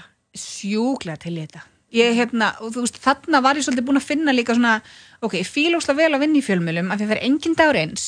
Þú ert alltaf að hitta skemmtilegt fólk og þú ert að vinna með fólki þar sem allir eru í sama liði, bara við erum öll að vinna að því að það verði hérna eitthvað í sjónvarpinu kvöld eða verði eitthvað í útvarpinu í dag. Og það er alveg óbóðslega gaman að vinna í kringum svo lesfólk sem er svona lítil rútína en samt rosa ægi og, og svona einhvern veginn einmitt, að vinna bara með hugmyndafólki og hugsunafólki er alveg óbúslega skemmtilegt. Algjörlega. Svona eins og fyrir viðtöl. já, Hva, hvernig undirbyrð þú þig sjálf fyrir viðtöl sko, og... pappi minn var í kastljósunni í gamla daga. Í eldgamla gamla Það er daga í blóðinu. og hérna, það var ekki klíkasamt.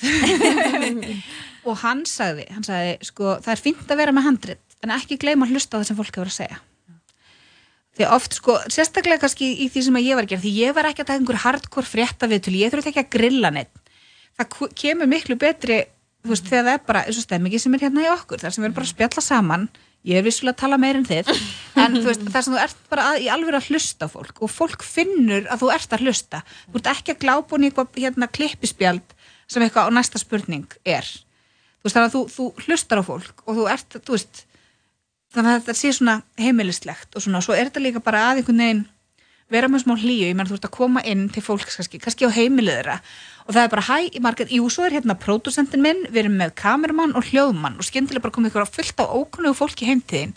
Og þarft svolítið að bara svona gera þetta með hlýju að leiðaljósi spurja fólk svona hvað sér þú fyrir þeirra að koma út úr þessu? Er eitthvað sem þið langar að sína okkur sérstaklega? Og svo líka oft er gott að segja skulum byrja að taka hérna svona, við skulum byrja á því að taka e, svona æfingaviðtal og svo tökum við alveg viðtalið svo byrjar maður að taka æfingaviðtalið. Og svo er það bara frábært og svo segir maður, "Heyrðu, mér fannst þetta bara geggja, ekki bara nota þetta. Og þá fólk bara, jú, þetta var bara æðislegt. Þá er það ekki, þú veist, undir pressunni að. Uh, og líka að því að ég var svo ofta að tala við fólk sem að kannski var ekkit alltaf í sjónvarpinu. Ég var ofta að tala við kannski bara eitthvað svona útskurðameistara í Mórsfellsbæ og, og eitthvað svona sem var ótrúlega gaman og þá var oft svona gott bara að þú veist, fara yfir með fólki, þú veist, það er betrið þú svara mér í heilum spurningum og ég mun spurja þeir spurningar sem að lúkka eins og það sé, eins og ég sé mjög heimsk en það er bara því þá útskýrir vel það sem ég segi. Eða þú veist, það er svona að segja. Og hérna og svo bara svona sjá fyrir sér svolítið og trista þeim sem þú ert með. Þú veist, þú ert alveg að taka viðtalið og, og hérna og, og svona, en svo ertu með fagfólk með þér sem að, þú sem að vill fá fleiri myndir af þessu eða byður þeim að taka þessa spurningu aftur og svona, þetta er svo rosa mikil samvinna sko. Manst þetta einhverju hræðilu viðtali eða eitthvað sem fór bara alveg úrskis Já. ekki útsendingu, nei. En einhver tíman þá fengum við eitthvað tips frá oh, Baltasar Kormáki minni mig. Hann hafði sagt Þóraldi Gunnarsson að það var eitthvað svona, eitthvað svona heilara nálastungu típa í vesturbænum sem að var eitthvað svona og eitthvað við, við eitthvað svona já og eitthvað svona, svo eitthvað svona, kemur eitthvað svona já verðið það að fara að tala við hann og við erum eitthvað já ég veit ekki alveg með þetta. Og svo er einhvern veginn först hjá einhverju manni sem að hérna, bú, hann er ekki Íslendingur og býr ekki á Íslandi í dag held ég. Nú först heima hjá einhverju manni og voru bara einhverju mjög hræðilegu viðtali sem að hérna svo var hann svo almennilegur vildi gefa okkur te okkur við sátum hann og bara allir veist, áttu að vera löngu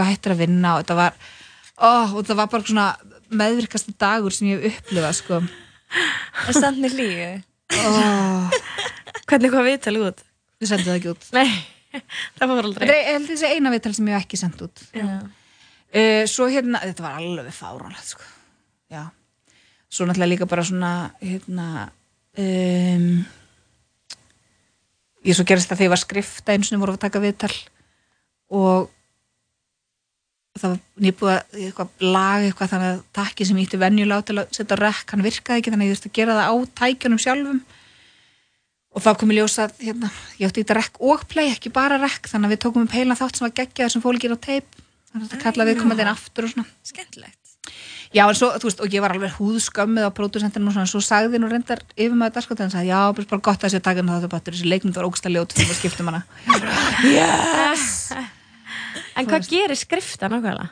Þú ert bara, uh, þú ert bara æðakerfið. Þú bara berði upplýsingar á milli, þú skipilegur tökur, uh, dagskriður maður þarf hugmynd, þú, þú þarf þá að fara og aðtöku hvenar upptöku fólkið er laust, hvort að það hendi líka viðmælandanum, þetta er bara svona samþættinga uh, starf sko. Uh, passa það að allur kreditlistir sé réttur, uh, grófklippa þátt, merkja inn hvar eru toppikinn, um, já, bara, veist, þetta er svona svolítið að fylgja, fylgja þætti frá getnaði það fæðingu. En mér langar smá að tala um hérna svona sirkus dæmið aftur. Já. Að því mér finnst svo magnað einhvern veginn að þú var svolítið svona uh, hvað segir maður, svona frumkvöldin að því. Sko ég var það ekki, ég, þú veist, við erum alltaf mjög mörg. Einmitt. en bara af því að ég hefði unnið rosa mikið í fjölmjölum þá ætti ég kannski greiðari aðgang að alls konar og, og hérna kunni að skrifa fréttatilkynningar og svona og, og svo líka bara var fullt af fólki sem var alveg óbúslega gott í sirkuslistinni en var kannski ekki sérstaklega gott að tala í viðtölum.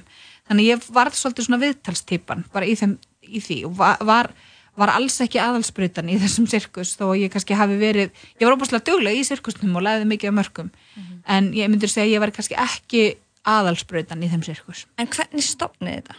Hvernig, það, var bara, það er bara hann Lee Nelson sem að stopnar þetta sem að er sérst ástralskur trúður sem að flutti hinga til lands og býr hér ennþá. Hann kynntist íslensku konu og og þetta varð aldrei, þetta var ekki einn stort í byrjun og þetta var, nei, nei, nei, nei, þetta stækkar og stækkar með stækkaði. tímanum. svo þarna 2000 og um, hvernig er það, 2013 þá er sirkuslistaháttíð í Vassmýrinni sem að við hérna, tökum þátt í. Og við höfum alltaf verið að sína sirkus bara í hérna, leikhúsum, höfum við tjarnabíói og hafnafærða leikhúsinu og, svona, og, og, og fullurinsýningarnar á svo skemmtistöðum en þá fáum við að sína í alvöru sirkustjaldi og þá var bara, þetta, við verðum að gera þetta.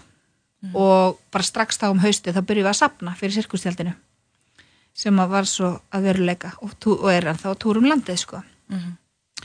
en það var svona, það voru svolítið stórir draumar. Það er hérna, ég held að sirkusteldi taki 400 eða 500 manns þannig að það kannski meikar ekki sens að fara með það á marga staði. En þetta er óbúslega fallegt tjald og voru svo flottir sem að designu það fyrir okkur, þetta er svona eins og það er hérna, kvítt með svona uh, rauðum svona sveigandi röndum, þetta er svo jökull með svona raunir sem rennur niður, þetta passar óbúslega fallega inn í Íslands landslag. Og uh, já, þetta er svona þannig að já, sirkusin núna einmitt sem að byrja bara sem bara algjört hobby er núna bæði, þú veist, reka við náttúrulega sirkusskóla fyrir krakka allt árið umkring, sumar námskeið og svo eru þau líka með svona námskeið yfir vetratíman og eru bara á fullu allt árið umkring að þú veist, það er í rauninni eru sýningarnar yfir sumartíman það eru svona ástriðu verkefni en svo kemur það fullt af fólki sem að vinnur full time við þetta uh, að skemmta ásatíðum kenna náttúrulega uh, og bara, já Mér finnst bara eitthvað svo fallegt við að þú veist, þú byrjir í þessu verkefni sem er svona og þekkir þetta alla og svo einhvern veginn að sjá þetta verða svona. Það bara og ótrúlegt, í sko, dag hvað já. er einhvern veginn orðið þú veist, ég meina, þegar sirkustjaldið er komið á miklu túnni það er bara Já, já. komið og allt þetta Já, algjörlega sko. Það er líka alveg óbúslega gaman að sjá að því ég man sko, ég man eftir sérstaklega þegar við vorum að sapna fyrir sirkustjaldinu þá einmitt fekk maður hérna var, fór í miljón viðtöl til að vekja aðteglaði og svona og svo svo þegar að blaðabændir hringdi mig þegar, maður- þegar þetta hófst sko, þetta var ekki lítið peningur sko, sirkusin sjálfur átti einhvern pening, lýsetti líka þetta pening í það en ég held að þetta hafi verið 6 eða 7 miljónir sem við söfnuðum. Og, og þetta var þannig að allir sko, ef þú, gafst pening þá fegstu miða sem samsvöruðu þannig að hérna það var ókslega gaman að sko þannig að þetta voru ekki stórar upphæðir sem byggu til þess, þess, þess að stóru slummu að lokum sko. Oftast var þetta bara fólk að kaupa ekki 2-5 miða bara svona fyrir sig og eitt barn eða fjölskylduna og, og svona. Og, og svo þegar þetta hafiðist loksins þá ég held að allir blaðamenn sem hringdu hafi sagt eitthvað svona ég eiginlega trú ekki að það hafi tek- tekist.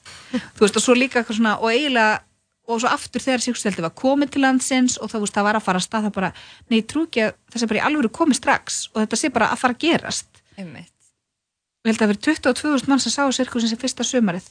Þetta er alveg magna þannig að þetta var alveg svona, þetta var algjört ævintýr þetta var, þetta var erfiðustu tvö sumur lífsmíns ég ætla ekki að ljúga, ljúga neinu öðru með það, þetta var ógæðslega erfitt, þetta var ógæðslega erfitt og þetta reyndi rosalega á uh, bara alla okkar samskiptahæfileika og samstarfshæfileika og var mikið líkamlegt og andlegt álag.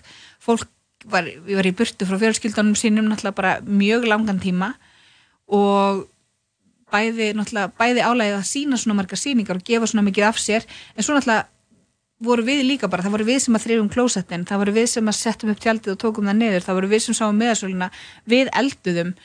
Þú veist, þetta var allt allt sem að þú sást þú veist, allir sirkusistamennir voru allir í einhverjum öðrum djópum líka þú veist, innan sirkusins og þetta voru, þú veist 12-14 tíma langir vinnudagar í tvo mánuði samleitt Ástræðin fyrir greininni hefur sannlega verið til Já, en það var líka bara eins og núna er þau miklu, það er miklu skinsamara núna þau, hérna, þau fara ekki svona ógislega langa túra og, og hérna. Það er líka bara einhver stað þar maður að byrja. Já, auðvitað, og ég menna að við vorum alltaf svo ung þarna fyrir fimm árum síðan. Nóa orku. Já, en þú veist, og svo líka veist, það er hérna þetta er líka bara, það er hver einasti maður í þessum sirkus er dásamlega manneskja. Þetta er bara ofbúslegt hæfileika fólk sem veit nákvæmlega hvað er að gera. Og, og hérna og ég lakka ótrúlega til að sjá sýningarnar sem þeir eru með í sumar því að ég, ég er ekki í þeim. Ég fæ bara að koma ég fæ bara að koma, kaupa með og fara. Ég þarf ekki að sópa það neitt maður. Þetta voru geggjað. En já, sirkus er klálega eitthvað sem breyt svona mér, þessari Já, og það sem ég mjög líka svo fallegt er sko að bæði náttúrulega það að það var svo margir skrítilíusar sem fundu sig í þessum sirkus og svo líka það að sjá eins og í sirkus skólanum hjá þeim hvaða eru oft krakkar sem að kannski finna sig ekki í íþróttum eða öðru sem bara algjörlega sogast inn í þetta. Því þú ert í svo mikil bara samkeppni við sjálfum þig þú ert ekki að keppa þig neitt það er eina svo þú ert að búa til atrið þannig að þetta er bæði rosalega líkamlegt en óbúslega skapandi sem er rosalega bara og sjá, þú veist sjá þessi litlu pons bara, þau eru orðin svo ógeðslega góð þú veist sem að voru að byrja bara hann í upphafi þú veist, í öllu sem þau gera það er alveg frábært sko. Gott fólk hit- hittir svo sannlega gott Já, fólk. nefnilega Áður en við kveðum þig Mhm. á næstunni, ætlum við að fara í eitt lag og komum aftur og já, fáum svona rétt svo að hlusta á nokkra tóna. Þá erum við sleppið þér út. Hérna er lagið Stúr valdur þetta líka. Já, Sure Thing. Nei. Nei, ég setti þetta inn á playlist. Vala. setti þetta á playlist Er þetta er spennandi? Settum þetta í gang. Þeir eru svo vel.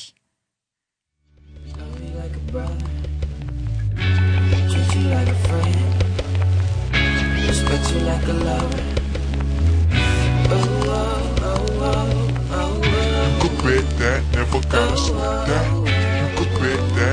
gotta sweat that. You could quit that, never gotta sweat that. You could bet that, never gotta sweat that. You that, If you be the cash, I'll be the rubber band. You be the match, I will be a fuse. Boom, painter, baby, you could be the muse. I'm the reporter, baby, you could be the news. Cause you're the cigarette, and I'm the smoker. We raise the bet, cause you're the joker. Chipped off, you are the chalk. And I could be the blackboard, you can be the top. And I can be the one, yeah. When the sky comes falling,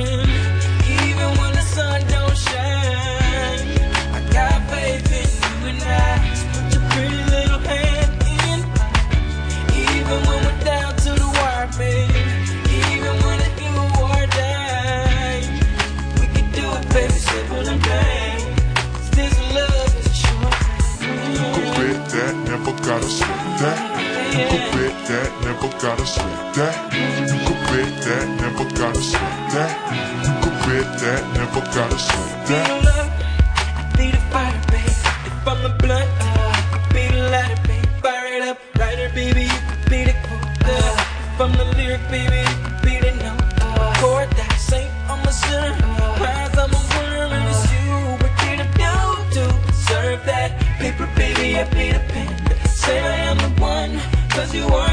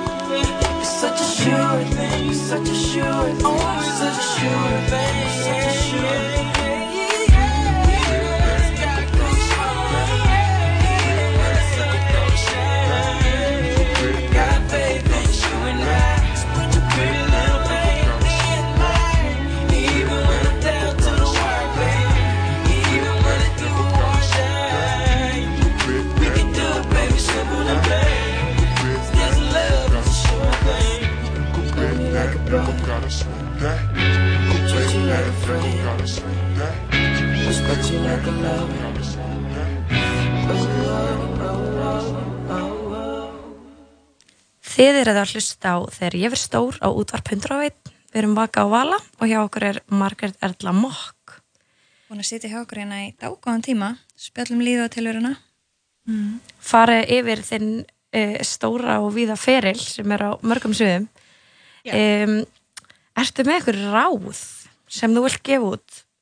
Uh, annarkvort fyrir fólk sem vil fara í fjölmila eða fólk sem vil stopna eitthvað svona smá samfélag eins og þú gerðir. Já. Sko, ég ekki, alltaf reyna hvetja fólk til þess að stefna að því að hafa atvinna af því sem að af því sem það hefur gaman að stundum finnst mér eins og fólk tala um eitthvað svona, já, um leiðu byrja að fara að borga fyrir það, þá fer ástýran úr því en það verður ekki þannig eins og Pállaska segir, bara hérna when I got busier, I got better. Og af því að það er það, sem ég hef kannski líka fundið óbúslega stert er að þú heldur kannski á sért ein í heiminum með hugmyndir eða eitthvað svona, já þetta er sniðið hugmynd en það mun enginn kaupa þetta, það mun enginn mæta eitthvað svona, en prófaðu það og bara gerðu það og talaðu við fólk og það er uh, talaðu um það við fólk að því að góðar hugmyndir verða alltaf til í samtali og, og svona verða til. Svo er líka svona, og þegar það er farið að rúla þá er ágætt að vera vissulega með eitthvað svona skynsama vinnu. En reyndu að hafa skynsama vinnuna þannig að, þú, að hún kofri bara leiguna eða afborganir og svona myndir borða í bónus alltaf. Þig. Svona, og, svona, og svona necessities. Þannig að allt annað sem kemur inn það fyrir lúksus þannig að, þannig að þú rauninni getur hérna, þannig að þú sért ekki með áhyggjur af því að þú getur ekki borga leguna eða fáur ekki að borða en þú hafir samt líka tíma til þess að verða betri í því sem þú vilt vera. Og og svo bara ef þú ert góður í hlutunum þá mun fólk komast af því og já, verður óhrættur við að tala sjálfa þig upp. Og feimin. er ófeimin Það er astnald að vera feimin. það er vera feimin og, hérna, og líka bara það að þú veist, ef að þú ert með einhverja hugmyndir talaðu um þér, af því að það er óksla svekkjandi ef að þú ert ekki að tala um þér og svo kemur ykkur annar og framkamir hana það er allavega þá hægt að segja já, ég var nú allavega búin að segja fólki frá því að þetta væri mín hugmynd. Og hérna, og kannski þá ó, þessi tók hennar hugmynd og gerði hana. Þú veist, taliði um hugmyndir. Af því að það, það, verð, það gerist óbúslega lítið ef ein manneskja gerir eitthvað. Eitt líka, uh, að því að þú náttúrulega býrð í rauninni til þína vinnu sjálf. já, Hvernig skipulegur þig og hvernig tekur tíma fyrir Google þig? kalendar. Ég, það er enda búið að vera ókslega erfitt. Ég eh, tek mjög sjaldan tíma fyrir mig. Og það er ókslega já, versta er að mér finnst svo ógislega gaman í vinnunum minni. Ég bara, ef að ég hef frítíma þá er ég að horfa börleskvídeó eða sauma búninga eða þú veist, búa eitthvað til eða hérna, eitthvað, ó, ég hef frítíma það. Ég ætla að gera sýningu þá með þessum og þessum og þessum, þú veist, ég er óþólandi þú er bara elsku maðurinn minn sem ég lofaði að tala úsla mikið um eins og þetta og gerði ekki. Það sagði ég skal skuttla þér að þú talar úsla mikið um mig. Hérna að, þú veist, það var alveg erfitt líka bara að púsla því að við höfum tíma saman og líka bara hann fær alltaf versta hlutana mér, þegar ég er alveg búin á því um svo sprungin bladra og búin að vera skemmtileg við alla aðra þá kemur gríla heim sko. það er úsla leðilegt fyrir hann. En hérna en já, þetta er svona að gefa sér tíma fyrir sjálfa sig. Er, ég, ég held kannski að bara sá sem að hefur svona mest hjálpað mér því er endurskoðandinn minn. Því hann var bara, þú ert að vinna sem dansari. Ég menna, ef þú ferði nutt þá er það sjálfsögðu kostnaður við það að halda líkamanna þínum í góðu standi. Og það að hérna, að fara á fund og fara kannski út að borða og fara á fundin það er, það er líka eitthvað sem maður er hægt að telja fram og svona, þannig að hann hefur verið svona minn mesti lúksuspúði gegnum tíðina, svo er ég bara Má ég fá númeri hjá honum? ég skal bara gefa hann er sko, hann er, hann sko dyrkar að vinna með svona skrítilíð sem eins og mér. Hann er bara, getur ekki, getur ekki gefið mig fleiri svona kuna sem eru svona í þessum frans hann er geggjaði sko. Og hérna hann er sá sem að stakka upp og uppalega ég myndi túra meira og svo leið sko en hérna góður endurskoðandi, ef þú ætlar að vinna sjálfstætt þá er endurskoðandi fyrsta, fyrsta manneskjan svo að tala við. Og endurskoðandi sem skilur hvað þú ert að gera. Ekki fá endurskoðandi sem að hérna, er óslagóður endurskoðandi hjá sjávarútslutningsfyrirtæki skilur bara endurskoðandi sem skilur sjópis um, og svo hérna já og svo þetta búa til vinnuna sinni sjálfur það er náttúrulega, ég er svo óbúslega heppin að hafa svo mikið að gera af því að veist, mín svona stabíla vinna er grámúsið þar sem að ég bara nýtt mikils tröst og, og hérna og get leikið mér svolítið mikið þar inni og þær setja á mig mjög raunhafar kröfur líka. En það er svona það sem coverar það sem ég þarf að borga alltaf. Svo er allt hitt bara auka og næs. Og um, hvernig hvað ætla ég að segja með þessu já, það, veist, það, þannig að það, er, það er svona yfir vetratíman svo þegar að það er svona að losna þá byrja gæsapartíin sem að fleita mér alveg vel inn í sumar og oftast ger ég eitthvað svona sumarsjó eða eitthvað svo leið sem, að, sem að heldur mér að flota við sumatíman svo um haustið kemur þá byrja þú veist, vinnustæðapartíin og þá er ég þú veist, pubquiz, þú veist, náttúrulega út af getur betur drastlinu sem ég var í hana ekki drastlinu, ég elskaði getur betur sem er spurninga með besta vinni sinum, indislegt mm svo hérna um leið og það er búið þá kemur þú veist hérna ásatíður oft í oktober, november líka. Þegar það er búið þá koma jólahlaðborð svo byrja þorrablótin, svo koma ársatíðnar svo koma aftur gæsapartíin. Þú veist þannig að þetta er svona, þetta rúlar og ég fæ ekki ógeð á vinnunum minni heldur.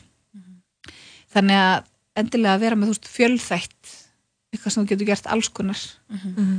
Um, og að gera sér grein fyrir því að það er ekki alltaf ársatíðar mánuður og það er ekki alltaf svona. Þannig að það er óbúslega þægilegt.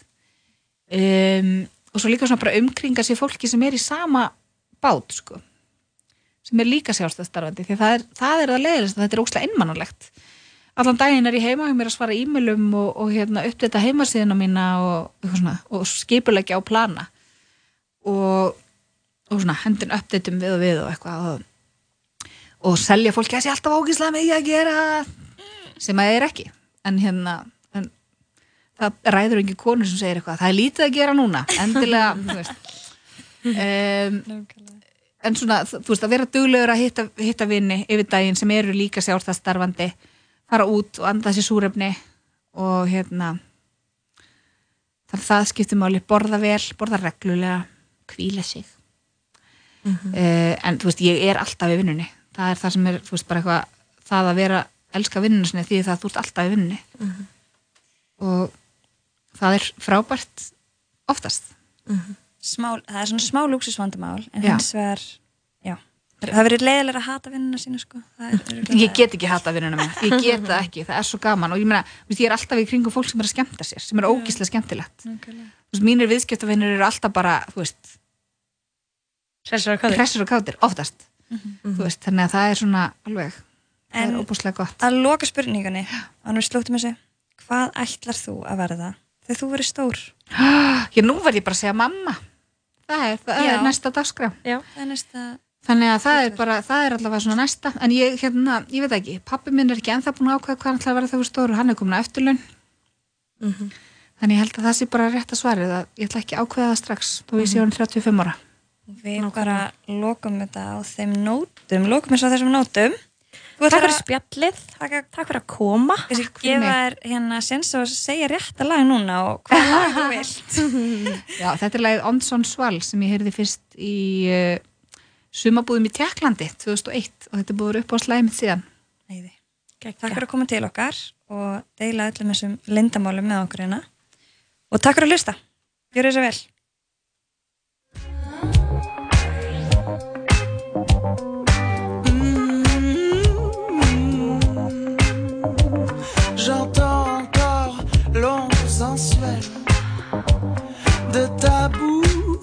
sur la mienne. C'était si fort, c'était si beau. La philosophie de ton souffle entre mes mots. Les plumes volent encerclées par tes ondes. Mes habits collent, faut que je m'inonde. Mais je ne sais plus où donner du crâne. Ça ne répond j'attends la panne. Comment t'atteindre? Mais comment t'atteindre? En sensuel Toi qui me donnes des ailes. Pourrais-je te rendre